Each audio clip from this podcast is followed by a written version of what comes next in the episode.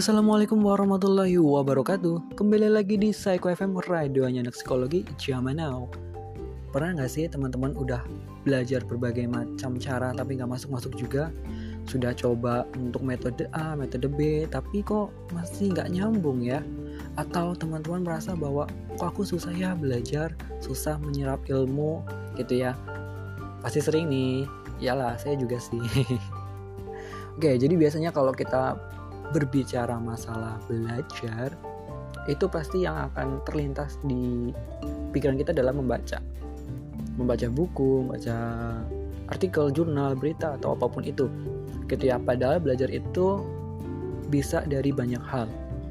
Gitu ya. Ketika kita nggak tahu apa tuh namanya smartphone kemudian kita dikasih smartphone dan kita coba untuk trial and error jadi udah udah termasuk proses belajar.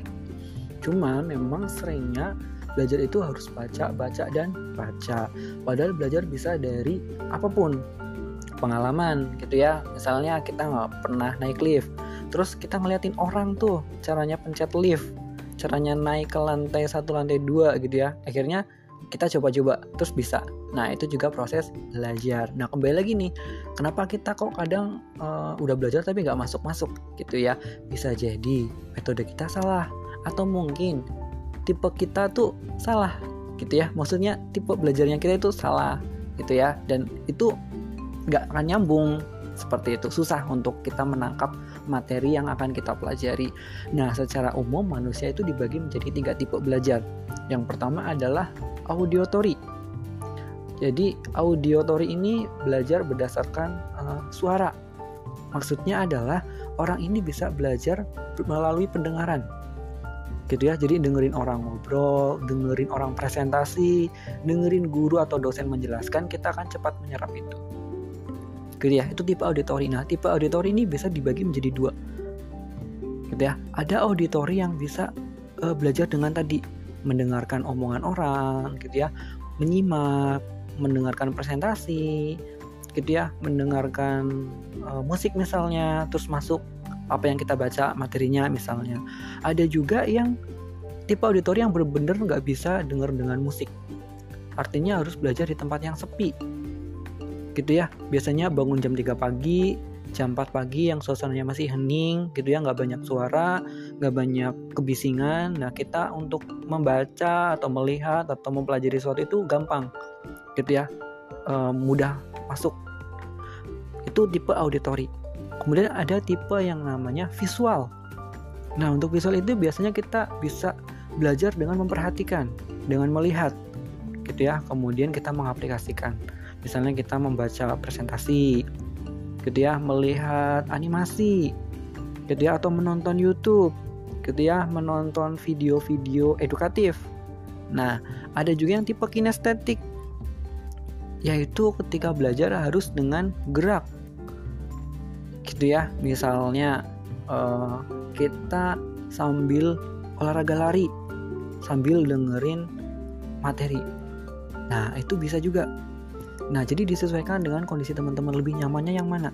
Kalau teman-teman lebih bisa nih uh, membahas uh, belajar misalnya dengan uh, tadi dengerin musik sambil olahraga, jalan-jalan pagi, jalan-jalan sore, lakukan. Gitu ya. Ada yang belajarnya uh, misalnya kalau di kampus gitu ya, duduk di kursi sambil mainan ballpoint, sambil oret-oretan gitu ya. Pas dosennya lagi dengerin, kita sibuk gambar, tapi kita ngah artinya kita menangkap apa yang disampaikan oleh dosen. Penjelasan dosen itu bisa masuk ke dalam tubuh kita eh, ke dalam pikiran kita. Ya udah nggak apa-apa lanjutin aja. Itu bukan suatu apa ya suatu masalah. Bukan suatu keanehan. Itu memang tipe belajar kita ya tipe kinestetik gitu ya. Ketika dosennya menjelaskan gitu ya atau temannya presentasi kita sibuk e, menggambar oret-oretan atau bikin pola-pola tertentu gitu ya. Nggak masalah daripada kita diem tapi kita akhirnya nggak fokus. Gitu. Nah disesuaikan misalnya orang yang sukanya uh, apa visual gitu ya. Berarti membaca termasuk visual. Iya membaca termasuk visual. Kemudian uh, ngeliatin papan tulis gitu ya. Menjelaskan gitu ya struktur bagan gitu ya. Kita coba pakai itu ketika kita uh, mencoba untuk mempelajari sesuatu kita coba gambarkan. Misalnya nih ada teori tentang teori meletusnya gunung berapi. Gitu ya. Nah kita bikin bagan.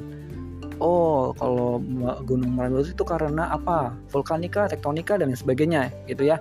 Nah, itu kita buat bagan, kita buat uh, flowchart. Nah, itu bisa memudahkan kita untuk belajar. Orang yang tipenya auditory, gitu ya, misalnya auditornya yang bisa dengerin musik atau dengerin orang ngobrol, ya terus menyimak gitu ya sambil uh, apa ya mungkin kalau ada yang suka dengerin musik ya sambil dengerin musik yang favorit gitu ya. Nah kalau yang tipe auditorinya adalah tipe auditori yang nggak bisa dengar suara cobalah untuk uh, belajar di tempat yang uh, sunyi gitu ya. Mungkin bisa bangun pagi gitu ya yang ketika nggak ada suara atau mungkin menyendiri gitu ya. Apakah kita aneh karena menyendiri? Enggak itu adalah uh, tipe belajarnya kita. Jadi jangan pernah minder dengan tipe belajarnya kita.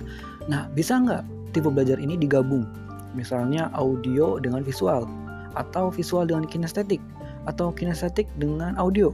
Bisa gitu ya semuanya bisa digabung. Karena sebenarnya kita punya tiga metode belajar ini di dalam diri kita. Hanya saja mana yang lebih dominan?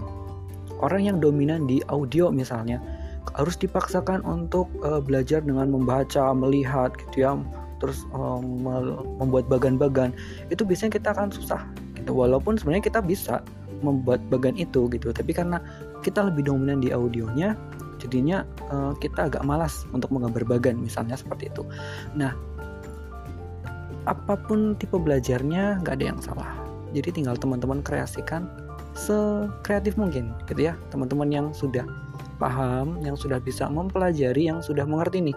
Saya orang yang tipe seperti ini nah silakan disesuaikan dengan tipe belajarnya. Semoga bisa membantu Don't go anywhere, stay tune terus di Psycho FM, radionya anak psikologi zaman now.